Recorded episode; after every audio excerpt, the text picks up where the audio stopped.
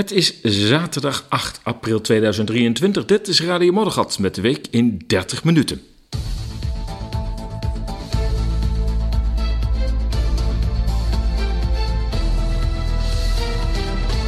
En in deze uitzending Oorlog om de Krim lijkt, als we de berichten mogen geloven, onvermijdelijk. Moeten de Russen vrezen voor met een virus besmette muggen aan hun grenzen? Na het pleidooi van een Duitse ex-baas van de Bundeskriminalamt voor een coronatribunaal geeft een Duits mediakanaal weer ruimte voor een nieuw pleidooi hiervoor. Anderen pleiten weer voor een pauze in de ontwikkeling van kunstmatige intelligentie. Wordt AI, zoals dat zo mooi heet, een zegen of een vloek? Hoe Saoedi-Arabië genadeloos de bijl aan de Amerikaanse dollar legt. Ja, oorlog om de Krim lijkt toch een beetje onvermijdelijk. Tenzij er wonderen gebeuren. En dat kan natuurlijk zeker in dit soort spannende tijden altijd. Het is niet de eerste keer dat er om de Krim wordt gestreden. Zelfs niet door dezelfde partijen. Al tussen 1853 en 1856 streden het Russische Rijk en Engeland om dit stukje land met honderdduizenden doden tot gevolg. Sommigen spreken van 700.000 dodelijke slachtoffers. Nu, 170 jaar later, lijkt het militair-strategische Schiereiland opnieuw inzet van strijd tussen Rusland en westerse krachten. Na verovering wil Oekraïne het eiland zuiveren en dat belooft niet veel goeds.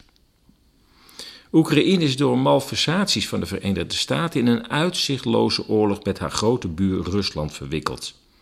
De laatste liet zich verleiden het land in februari 2022 binnen te vallen. Hieraan vooraf gingen jaren van provocaties door de Verenigde Staten, die steeds meer landen van de voormalige Sovjet-Unie tot de NAVO liet toetreden en hen van wapens gericht op Rusland voorzag. Talrijke oefeningen tijdens de COVID-periode hield de Verenigde Staten en haar vrienden langs de diverse grenzen van Rusland. President Biden bestempelde president Poetin ruim voor de inval als moordenaar wat ook niet echt bijdroeg tot ontspanning. Na acht jaar oorlog tegen de eigen Russisch sprekende Oekraïnse bevolking in het oosten van het land was voor Rusland de maat vol. Deze oorlog begon met de door de Amerikanen gesteunde staatsgreep in 2014. De aanvallen van Kiev op het oosten van het land hebben aan 14.000 mensen het leven gekost. Veel mensen zijn gemarteld en steden en dorpen zuchten onder terreur van extreme rechtse en zeer gewelddadige milities. Kort na de staatsgreep in 2014 brachten groene mannetjes, wie kent ze misschien nog wel, zonder een schot te lossen, de Krim en brachten ze terug onder Russische invloed, waartoe het tot 1954 behoorde. Het Schiereiland werd in 1954 door de toenmalige en uit Oekraïne afkomstige partijsecretaris van de Communistische Partij, Khrushchev, administratief onder Oekraïne geschoven. Het Schiereiland was toen ook een onderdeel van de Sovjet-Unie. Na de afscheiding van Oekraïne in 1991 bleef de Krim bij Oekraïne zonder dat Rusland daar problemen over maakte. Voorwaarde was wel dat de marinehaven Sebastopol in Russische handen bleef. Hierover werd met Oekraïne een akkoord gesloten. Nu heeft Kiev een twaalfpuntenplan gepresenteerd voor de bevrijding ervan. Er wordt gesproken van zuivering en denazificatie. Dit meldt het Duitse nieuwskanaal Tagesschau. De secretaris van de Oekraïnse Veiligheids- en Defensieraad, Oleksiy Danilov, heeft in dit plan beschreven hoe de Krim eruit moet zien na het einde van de Russische bezetting tussen aanhalingstekens. Daarna stelt hij voor, of daarin stelt hij voor in het 12-puntenprogramma, als onderdeel van de ontruiming tussen aanhalingstekens van de Krim, dat de Krimbrug met de auto- en spoorverbinding naar het Russische hartland, die Rusland na de annexatie tussen aanhalingstekens in 2014 had gebouwd, om die af te breken. Als de NAVO Kiev ondersteunt in deze plannen, kan het een hete oorlog worden. Op de Krim. En kan bloedvergieten niet meer uitblijven. Rusland zal het Schiereiland en zeker haar marinehaven Sebastopol niet opgeven. Rond de 90% van de bevolking voelt zich, Russisch. In 2014 verklaarde de bevolking bij een door het Westen niet erkende referendum dat de Krim weer onder Rusland moest resorteren. Hetgeen geschiedde. Ja, hoe gaat dat verder daar? Ik weet het niet. Er zijn ook wel, mm, ja, toch wel licht hoopvolle berichten, laatste berichten, dat Oekraïne, in dit geval dan in de persoon van Zelensky, toch een uitweg zoekt en met Polen contact heeft opgenomen om samen met Rusland om de tafel te gaan zitten. Want ja, je moet wisselgeld hebben. En men, Zelensky hoopt via Polen dat wisselgeld te kunnen hebben. Dat Polen zegt, nou ja, goed, als jullie niet doen wat uh, Oekraïne zegt, dan vallen we jullie binnen of iets dergelijks. Nou ja, de vraag is of Oekraïne überhaupt nog iets te ruilen heeft. Uh, daar kom ik straks wel even op terug nog. We gaan naar Tbilisi. Tbilisi, ja, ja, dat is een naam die we straks net zo vaak gaan horen als Kiev. Want het lijkt erop alsof Tbilisi dezelfde weg volgt als Kiev. Tbilisi is de hoofdstad van, van Georgië. En ook daar zijn onlusten. En die lijken een beetje, kijk ook even naar een van de artikelen op esas.nl, lijken een beetje op Kiev 2014. En weer zijn Amerikanen daarbij betrokken. Het is niet anders. Maar nu ga ik het over een ander onderwerp hebben, namelijk dat Tbilisi onderdeel is van een keten van Amerikaanse biolaboratoria. Ja, daar heb je ze weer. Als je de kaart ziet waar allemaal, Amerikaanse biolabs zijn, dan uh, is er bijna geen continent uitgezonderd. De Russen zullen ze ook hebben, absoluut. Maar of ze ze over de hele wereld zo verspreid hebben als de Amerikanen is zeer de vraag. Hoe dan ook, Tbilisi is dus de hoofdstad van Georgië en dat was onderdeel ooit van de Sovjet-Unie. En dat zich net zoals Oekraïne na de val van de Sovjet-Unie los heeft gemaakt. De VS heeft sinds de val van de Sovjet-Unie niet stilgezeten en inmiddels de meeste afvallige staten in de NAVO gehaald. Eenmaal in de NAVO komen de, de Amerikaanse wapens gericht op Rusland, dus het blijft die bij NAVO-lidmaatschap. Je krijgt ook wapens, zoals Nederland nu de eer heeft om atoomwapens van de Verenigde Staten in woensrecht te hebben. En er zou een aantal jaar geleden daar een ongeval mee zijn geweest. Ik kan dat niet bevestigd krijgen, maar er staat hier en daar zijn er zeker redelijk serieuze berichten dat er een paar jaar geleden het een beetje mis is gegaan met die atoomkoppen. Het zijn nog geen complete wapens, maar atoomkoppen op woensrecht. Goed, hoe dan ook. Een ander wapen wordt gevormd door de tientallen Amerikaanse biolabs die Rusland inmiddels omringen in de verschillende landen. De ziekten die hier worden ontwikkeld zijn gericht op de in Rusland verzamelde DNA-profielen. Iets wat Poetin ook bevestigd heeft. Een artikel over waarom Moskou niet zo grote zorgen maakt, staat dus op de website esas.nl. Een kort, kort fragment eruit. Uit gelekte e-mails tussen het Lucar Center, het biolaboratorium uh, van het Amerikaanse Pentagon in Tbilisi, de Amerikaanse ambassade in Georgië en de Georgische ministerie van Volksgezondheid, onthulden al in 2020 informatie over het 161 miljoen dollar kostende geheime biologische onderzoeksprogramma van de Amerikaanse regering in dit voormalige Sovjetland. Uit deze informatie komt er voor dat de Pentagon van plan is om Georgië om te vormen tot zijn grootste biologische onderzoekscentrum over zee. Door zijn militaire middelen te combineren met middelen van de US Centers for Disease Control, het CDC in Georgia. In Georgië, sorry. Of nee, in Georgia, daar zit dan blijkt het CDC. Um, of ik heb het verkeerd. Nee, nee, ik denk in, in, in Georgië. Ik lees het verkeerd voor. Dit CDC, dat is het RIVM in de Verenigde Staten. En dat heeft een hele grote rol gespeeld bij de COVID-pandemie. Overigens, de baas van de CDC heeft uh, toch opmerkelijke uitlatingen gedaan onlangs tegenover een senaatscommissie. Waarin hij toch eigenlijk afstand neemt van het gevoerde beleid het idee dat steeds meer kikkers uit de kruiwagen springen, maar dat terzijde. De in Tbilisi gevestigde militaire faciliteit is slechts een van de vele biolaboratoria van het Pentagon in 25 landen over de hele wereld.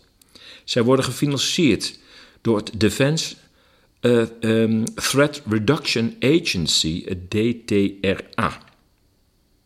Deze activiteiten zijn in het kader van een militair programma van 2,1 miljard dollar. Het zogenaamde Cooperative Biological Engagement Program en bevinden zich in landen van de voormalige Sovjet-Unie zoals Georgië en Oekraïne, ook in het Midden-Oosten, Zuidoost-Azië en Afrika. Al in 2018 kwam het centrum in Tbilisi in opspraak over het mogelijke dual-use onderzoek toen uitgelekte documenten onthulden dat de Amerikaanse diplomaten in Georgië betrokken waren bij de handel in bevoren menselijk bloed en ziekteverwekkers voor een geheim militair programma. Het transport verloopt via diplomatieke post, waardoor het niet ter controle mag worden opengemaakt. Het biolaboratorium wordt, dat in wordt zwaar bewaakt. Alle voorbijgangers binnen een straal van 100 meter worden gefilmd, hoewel het militair laboratorium, biolaboratorium, in een woonwijk ligt. De bewoners van de woonwijk klagen over voortdurende hoofdpijn, misselijkheid, hoge bloeddruk en duizeligheid wanneer s'nachts chemicaliën worden verbrand in het laboratorium dat slechts een paar honderd meter van hun huizen ligt. Zoals ook in Oekraïne liggen de biolabs, die niet voor medisch onderzoek zijn ingericht, maar voor biologische oorlogsvoering, niet ver van de Russische grens. Het maakt de Russen nerveus wetende dat muggen gekweekt worden met een dodelijk virus die bij een bepaalde windrichting richting Rusland kunnen worden losgelaten. Overigens worden er ook inmiddels. Oh, daar kom ik straks nog wel even op terug. De Amerikanen worden ervan verdacht om RNA en huidfragmenten van Russische burgers te hebben verzameld om muggen met virussen te laden, waarvoor vooral Russen gevoelig zouden zijn. Het is algemeen bekend dat er onderzoek wordt gedaan naar etnisch gefocuste virussen, niet alleen in Georgië, maar in meer laboratoria.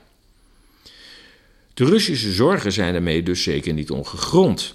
In 2014 legde de VS een patent vast voor een systeem om met virus besmette muggen boven een land, hoogstwaarschijnlijk Rusland, los te laten. Dat systeem blijken drones te zijn. Deze drones kunnen ziekteverwekkende muggen verspreiden, maar ook dodelijke virussen, eh, maar ook met dodelijk eh, gemanipuleerde, dodelijke virussen gemanipuleerde muggen. Dus niet alleen maar ziekte verwekken, maar ze kunnen ook zo besmet zijn dat ze dodelijke virussen bij zich dragen. Goed, uh, ik, verwijs je graag naar, uh, naar esas.nl, want er staat ook een videoverslag van een Bulgaarse onafhankelijke journalist. En die is sowieso goed om die eens te volgen, want die is erg gefocust, op Oost-Europa, de voormalige Sovjet-republieken.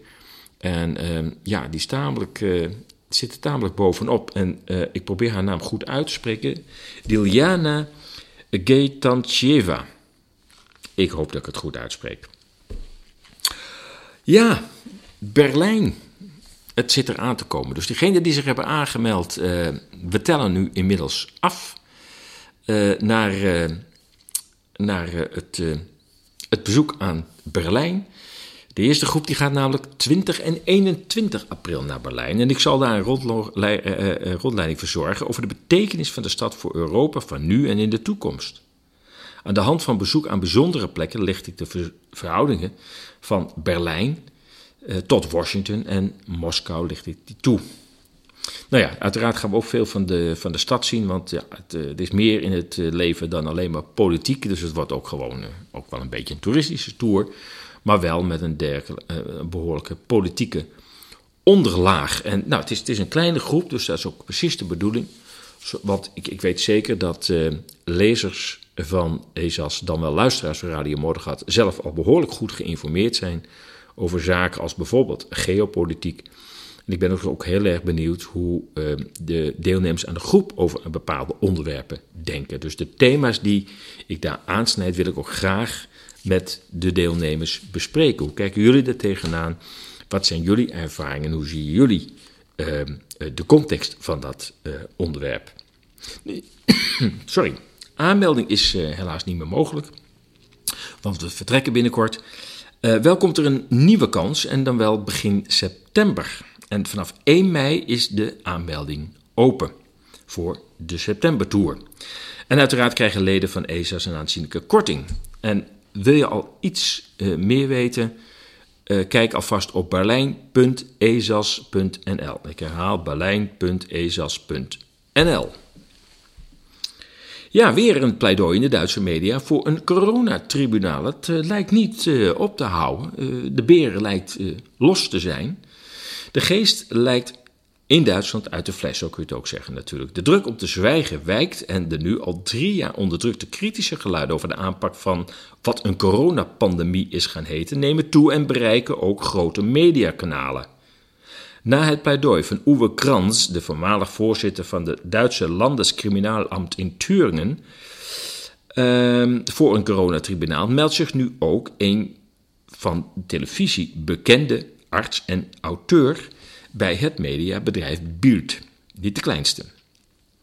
Arts en auteur Gunther Frank, die uit in een video, die staat uh, op de website in, het, uh, desbetreffende artikel, ernstige beschuldigingen tegen de Duitse staat en sommige van zijn vertegenwoordigers, de ministers, over de aanpak van de coronacrisis.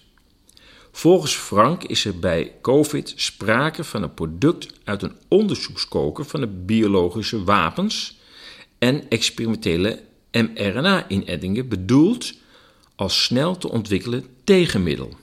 Nou ja, we hebben het net over biolabs gehad. Uh, dat zou geen verrassing zijn dat het uit uh, de biologische wapenindustrie komt.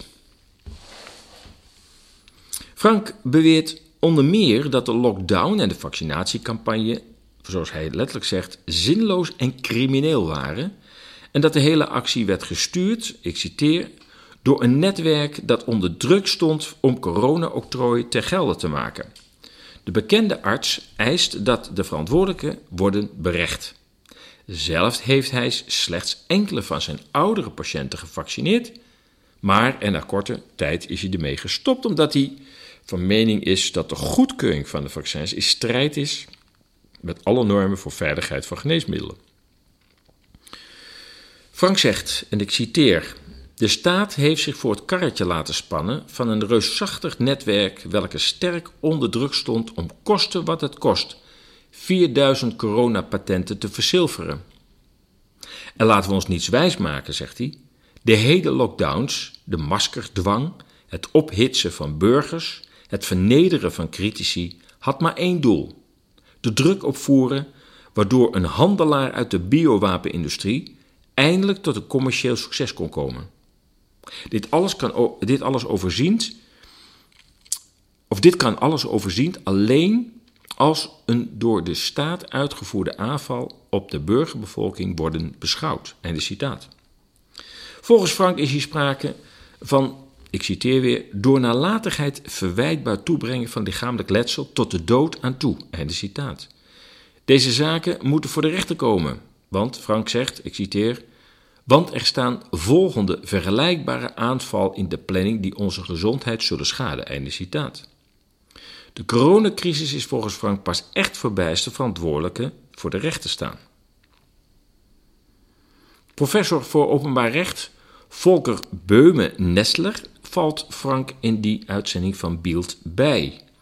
Mogelijke misdaden moeten worden vervolgd, maar wil naast dit traject ook nog een parlementaire enquête. Het lijkt erop dat in Duitsland waarschijnlijk Duitsland het eerste land zal worden dat diepgaand de coronaperiode op verschillende niveaus gaat evalueren. En de vraag is: wanneer gaat Nederland uiteindelijk door de pomp, zou je kunnen uh, zeggen? Ja, ik, ik haakte nog even aan op een onderdeel dat ik denk dat moet ik ook nog even zeggen. Ik ben het even kwijt. Nou, in ieder geval, um, nu we toch in Duitsland zijn, het laatste bericht is dat Michael Balweek, de organisator van veel grote coronademonstraties, voor vrijheid en democratie uh, van de groep Queerdenken, dat die na negen maanden gevangenisstraf in Stamheim, in Stuttgart, dat is niet zomaar gevangenis, weer is vrijgelaten. En dat is van de week gebeurd. Hij werd beschuldigd dat hij gefraudeerd zou hebben met aan, de, aan zijn stichting toegekende donaties. Er is geen rechtszaak geweest. De beschuldigingen konden niet hard worden gemaakt. En toch heeft hij negen maanden vastgezeten. Dit was duidelijk een politieke gevangenneming. Zoals we die ook hier in Nederland hebben kunnen zien. Het lijkt erop alsof ze Balweek hebben vast willen houden totdat ze ergens daar in het kanslerambt hebben besloten. We stoppen voorlopig in ieder geval met deze hele corona, uh, uh, dit hele corona-project. Dus laat die balweek maar vrij. Die demonstraties komen nu toch niet van de grond, want we zijn nu met heel andere dingen bezig. We zijn nu in oorlog. Het gaat nu over leveren wel of geen tanks. Maar het is een schande dat in een, in een democratie iemand onder niet bewijsbare beschuldigingen, zonder vorm van uh, rechtspraak, negen maanden wordt vastgezet. Het is onvoorstelbaar. Ik weet zeker dat als we dat voor corona als een soort schets hadden uh, uh, bedacht, zo van nou, dit zou ook nog wel eens kunnen gebeuren, dat heel veel mensen hadden gezegd, nou dat kan gewoon niet. Je kunt niet zomaar negen maanden lang in de bak als er niets aan de hand is. Ja, dat kan dus. AI. Nou ja, de term zal iedereen langzamerhand wel kennen. Automatisch, automatisch moet mij horen. Kunstmatige intelligentie, artificial intelligence. En uh, ja, het lijkt erop dat uh, experts en mensen die daar uh, druk mee bezig zijn met die kunstmatige intelligentie, dat die zeggen van ja jongens, pas, pas even op, want het zou nog wel eens uit de hand kunnen lopen. En meer dan duizend van dit soort mensen, deskundigen, onderzoekers en voorstanders van kunstmatige intelligentie hebben een oproep gedaan om de creatie van reuze AI's, dus grootschalige kunstmatige intelligentie, onmiddellijk tijdelijk op te schorten. Zij vinden dat op dat in deze tijd opschorting de mogelijkheden en gevaren van systemen als eh, GTP-4 goed kunnen worden bestudeerd en beperkt. Dit staat in een open brief ondertekend door belangrijke AI-spelers, waaronder, jawel, Elon Musk, medeoprichter van OpenAI. Uh, dat is dat onderzoekslaboratorium dat verantwoordelijk is voor het nu uh, helemaal uh, hot zijnde ChatGTP. JetP, nee, wat zeg nou? JetGPT, moet, ik moet even omdraaien. En Steve Wozniak, de medeoprichter van Apple. In een open brief, die al meer dan duizend keer is ondertekend, uh, wordt gesteld dat er nu geëxperimenteerd wordt met AI-systemen uh, met menselijk concurrerende intelligentie. En dit niveau waarop nu geëxperimenteerd wordt, houdt grote risico's in voor de samenleving en de mensheid, als dus de, de, als dus de brief. Geavanceerde kunstmatige intelligentie zal een ingrijpende verandering betekenen in de geschiedenis van het leven op aarde. En daarom zou deze met gepaste zorg en middelen moeten worden gepland en beheerd, zo de opstellers. Verder schrijven zij: We moeten ons afvragen of we machines onze informatiekanalen laten overspoelen met propaganda en onwaarheid. Moeten we alle banen automatiseren? Moeten we niet-menselijke geesten ontwikkelen die ons uiteindelijk zullen kunnen overtreffen, ons te slim af zijn, of verouderen, onszelf verouderen en vervangen? Moeten we het risico lopen de controle over onze beschaving te verliezen? Dergelijke beslissingen mogen niet worden gedelegeerd aan ongekozen technische leiders, waarvan Elon Musk er dus één is. Krachtige AI-systemen mogen pas worden ontwikkeld als we ervan overtuigd zijn dat hun effecten positief zullen zijn en hun risico's beheersbaar. Dit vertrouwen moet goed onderbouwd zijn en toenemen met de omvang van de potentiële effecten van een systeem. Daarom roepen de opstellers van de brief alle AI-laboratoria op om de training van AI-systemen die krachtiger zijn dan GPT-4 onmiddellijk voor minstens zes maanden te onderbreken. Deze pauze moet openbaar en controleerbaar zijn en alle belangrijke actoren omvatten. Als een dergelijke pauze niet snel kan worden ingevoerd, moeten regeringen ingrijpen en een moratorium instellen, al dus de opstellers. Het is een opmerkelijke oproep van hen die aan de wieg hebben gestaan van dit systeem. Hebben zij nou oprecht bij de ontwikkeling een monster van Frankenstein zien ontstaan of spelen er andere zaken of belangen? Ik kan het niet vertellen, maar het blijft toch wel een beetje eigenaardig. Neemt niet weg dat de oproep begrijpelijk en terecht is. De ontwikkelingen gaan zo hard dat AI een eigen realiteit gaat scheppen. De mens doet dat zelf ook al, maar als machines dat gaan doen, is de controle geheel verdwenen. En wat te denken van AI-gestuurde gewapende drones, zoals robothonden die nu al in diverse steden in de wereld rondlopen. Die mogen beslissen of ze iemand beschieten of niet. Of een pauze mogelijk is, is zeer de vraag. Iedereen zal door blijven programmeren en experimenteren wat een hulpmiddel kan worden, of toch misschien het monster van Frankenstein. Ja, het is een hele interessante ontwikkeling en ik denk dat die diep gaat ingrijpen in de samenleving. Maar ja, ik denk dat uh, we wel, en dat geldt eigenlijk ook bijvoorbeeld voor atoomwapens. Het, zijn, het is wel spelen met vuur. Hè? Dus ja, we hebben er atoomenergie van overgehouden. Dat uh, is een tijdje op non-actief gesteld, maar dat komt weer terug. Uh, ja, dat is toch een uh, redelijke ehm, vorm van, van duurzame energie. In een nieuw licht bezien dan. Het heeft ons ook atoomwapens opgeleverd. En ja, als daar de verkeerde met zijn elleboog tegen de knop aandrukt, bewijs van spreken, dan hebben we niet zo heel veel plezier van die uitvinding. En dat geldt denk ik ook voor AI. Het kan een enorm hulpmiddel zijn, maar het kan ook heel veel schade aanrichten. Nu zie je al op uh, social media uh, video's, maar vooral ook eerst foto's die uh, totaal door AI zijn samengesteld. Je ziet dan een vluchtende uh, Biden of een vluchtende Trump die door politie achterna wordt gezeten. En als je mm, oppervlakkig kijkt, dan lijkt die foto echt. Ehm, als je beter kijkt, dan zie je wel van mm, nee, nee, het is hem toch niet. Maar we zitten er wel heel dicht tegenaan dat hij over een jaar misschien wel zo echt is dat wij het echt niet meer kunnen onderscheiden van een echte foto. En daar kunnen de grootste ongelukken mee gebeuren in combinatie met een snelle verspreiding via internet. Enfin, we gaan het zien. Saoedi-Arabië, ja, die naam valt ook steeds uh, uh, vaker. Want Saoedi-Arabië zet momenteel de bijl aan de Amerikaanse hegemonie. En daarmee eigenlijk aan de petrodollar. Want ze waren eigenlijk wel best wel dikke maatjes. In elk geval in economische zin. Sinds 1974 verkocht Saoedi-Arabië namelijk haar olie in Amerikaanse dollars in ruil voor militaire steun van de Verenigde Staten. Maar dit bijna 50 jaar durende huwelijk is inmiddels op de klippen gelopen.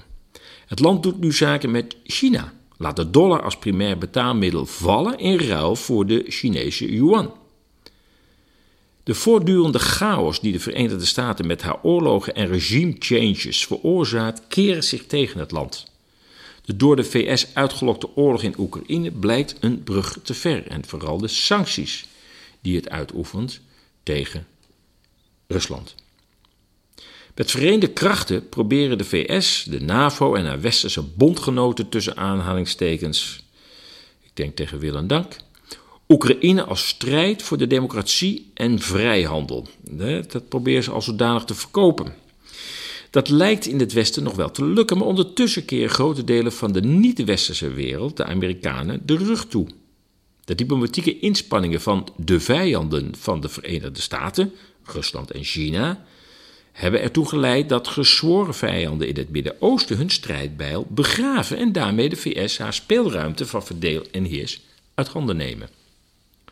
Zo hebben Saoedi-Arabië en Iran weer diplomatieke contacten opgenomen en elkaars ambassades weer geopend. Van oudsher bleven de twee rivaliserende islamitische groeperingen, Shiiten en Soenieten, meestal van elkaar gescheiden en koesterden zij diep gewortelde wrok tegen elkaar. Met de opkomst van het uh, uh,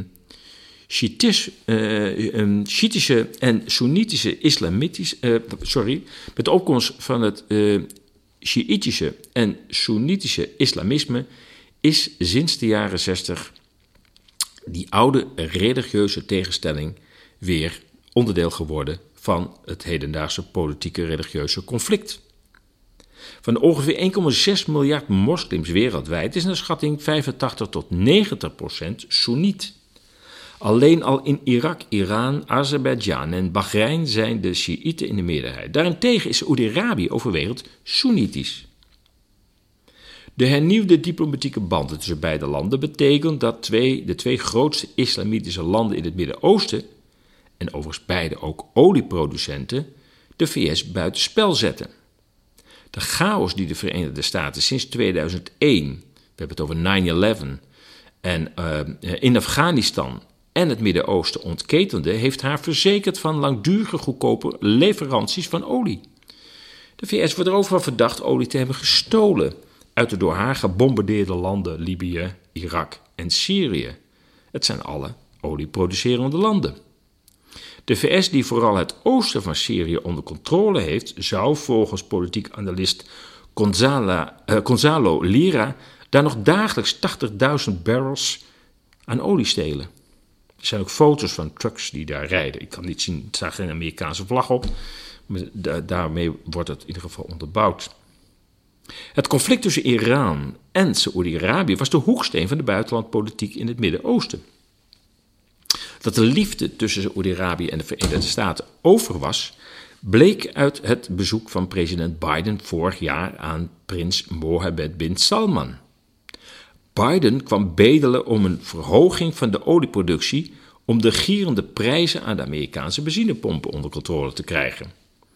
Biden werd zonder enig protocolaire ceremonie ontvangen door Salman. Biden kreeg de koning Salman bin Abdulaziz al Saud niet te spreken. In plaats van de verlangde verhoging van olieproductie schroefde Saoedi-Arabië de productie zelfs terug, daarmee de situatie in de VS verder verergerend.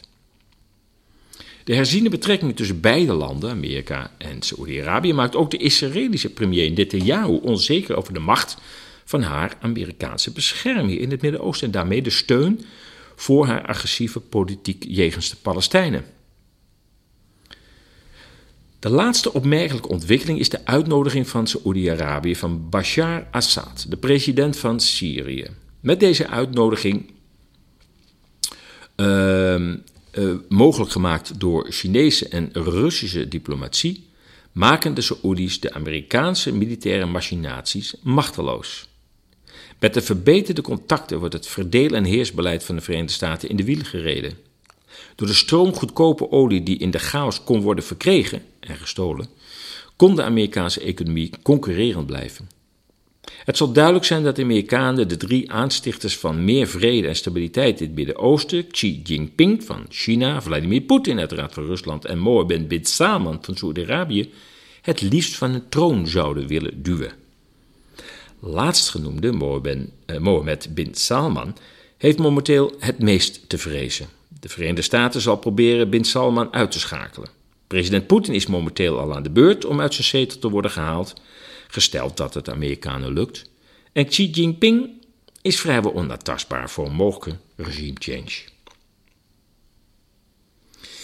Spannende tijden, ook in het Midden-Oosten, maar spannend in toch redelijk positieve zin. Namelijk dat na zoveel jaren van conflicten, waar de Amerikanen uh, flink hebben uh, geïnvesteerd om die conflicten niet alleen te starten, maar ook nog eens op peil te houden, uh, ja, dat er misschien toch weer vrede gaat uitbreken in het Midden-Oosten. Dat zou natuurlijk fantastisch zijn. Oké, even naar uh, het lidmaatschap. We zijn alweer over de half uur heen. Uh, wat, de wereld in de 30 minuten plus, plus, plus, plus. Nog even over het lidmaatschap. ESAS is een alternatief nieuws, nieuwskanaal. Dat zal je zijn opgevallen. Dat een ander licht schijnt op actuele ontwikkeling. Feitelijk, ontdaan van schreeuwende teksten, brengt ESAS achtergrondinformatie in deze onrustige wereld. Lezers van ESAS kunnen elke dag een nieuw artikel lezen over politiek, media, maatschappij, economie, medische of juridische onderwerpen. Elke zaterdag is er een nieuwe podcast van Radio Mordegat en daar luister je nu naar.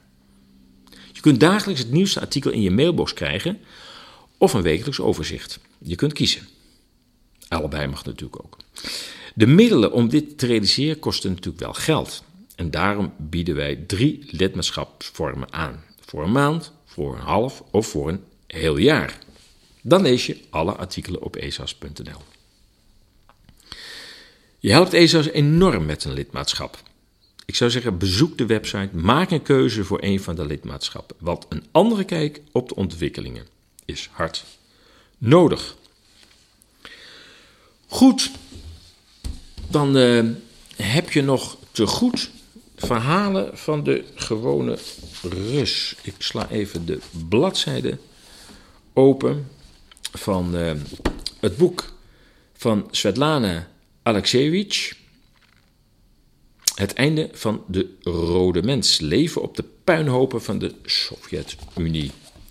En het gaat in dit geval over Poetin. Het zijn allemaal losse uitspraken van mensen die ze heeft gevraagd naar de situatie tijdens de regeringsperiode van Poetin. Dus niet overal noemen ze Poetin, maar het gaat wel allemaal over die periode vanaf 2000 dat Poetin daar aan de macht is. Ik begin. Ik ben tegen anti-Poetin-meetings. Die heisa heb je vooral in de hoofdstad. Moskou en Petersburg zijn voor de oppositie en de provincie is voor Poetin. Hebben we het zo slecht? Hebben we het soms niet beter dan vroeger? Ik ben bang dat we dat kwijtraken. Iedereen weet nog hoe beroerd we het hadden in de jaren negentig. Niemand heeft zin om alles weer in puin te slaan en bloed te vergieten. Volgende citaat. Nee, ik ben geen uh, Poetin-fanaat. We hebben genoeg van dat tsaartje. We willen hernieuwde leiders. Er zijn natuurlijk veranderingen nodig, maar geen revolutie. En ik wil ook niet dat er met brokken asfalt naar de politie wordt gegooid. Volgende citaat. Het is allemaal betaald door de Amerikanen, door het State Department. We zitten hier met marionetten van het Westen. We hebben al een keer een perestroika gehad volgens de westerse recepten. En wat kwam eruit voort? We werden in een diepe kuil gestort. ik ga niet naar die meetings, ik ben voor Poetin. Voor een sterk Rusland. Volgende citaat. De laatste twintig jaar is het beeld een paar keer radicaal veranderd. Met welk resultaat? Poetin eruit, Poetin eruit is de zoveelste mantra. Ik ga niet naar die voorstellingen. Als Poetin verdwijnt, komt er weer een andere autocraat op de troon. Dan worden we weer uitgekleed. Dan blijven we toch zitten met portieken vol fluimen, cynische ambtenaren en onbeschaamde smerissen. En geld, smeergeld, als normaal. Wat heeft voor zin van regering te wisselen als we zelf niet veranderen? Ik geloof niet in democratie bij ons. We zijn een Oosters feodaal land met popen in plaats van intellectuelen. Einde citaat. Volgende citaat. Ik geloof niet in de massa, de kudde. De massa neemt nooit beslissingen. Dat doen persoonlijkheden. Het bewind zorgde dat er geen opvallende persoonlijkheden aan de top zitten. In de oppositie zit geen Sakharov of geen Yeltsin. De sneeuwrevolutie heeft geen helden opgeleverd. Waar is hun programma? Wat hebben ze voor plannen? Ze gaan de straat op en brullen wat. Neem die Nemtsov of Navalny. Twitteren dat ze in hun vakantie naar de Malediven of Thailand zijn geweest. Dat ze genieten van Parijs. Stelt u voor dat Lenin in 1917 na de zoveelste demonstratie op weg was naar Italië of ging skiën in de Alpen. Nog één citaat. Ik ga niet naar meetings en ik ga niet stemmen. Ik maak me geen enkele illusie. Goed, dat was uh, verhalen van de gewone Rus. En uh, ja, ja, je luisterde weer naar de week in 30 minuten van Radio Moddergat. En in dit geval van 8 april 2023. Volgende week nog één uitzending uh, vanuit het Nederlandse grondgebied. En daarna ehm, komt de uitzending uit Berlijn. Dat kan ook nog. En dat zou wel eens een hele speciale uitzending kunnen worden. Als je deze uitzending hebt gewaardeerd, overweeg dan de donatie en lidmaatschap van ESAS, aankoop van het nieuwe wintermagazine of een van de andere magazines, er zijn er inmiddels vier, of een van de dossiers. ESAS kan niet zonder steun van donateurs en leden. Maak het bereik groter en deel deze podcast van Radio Moddergat op jouw social kanalen. Je kunt ESAS volgen via onze nieuwsbrief, RSS, Telegram en Twitter. Kijk voor meer informatie op ezas.nl. Ik wens je een goed weekend. Blijf waakzaam, blijf sterk en tot volgende week.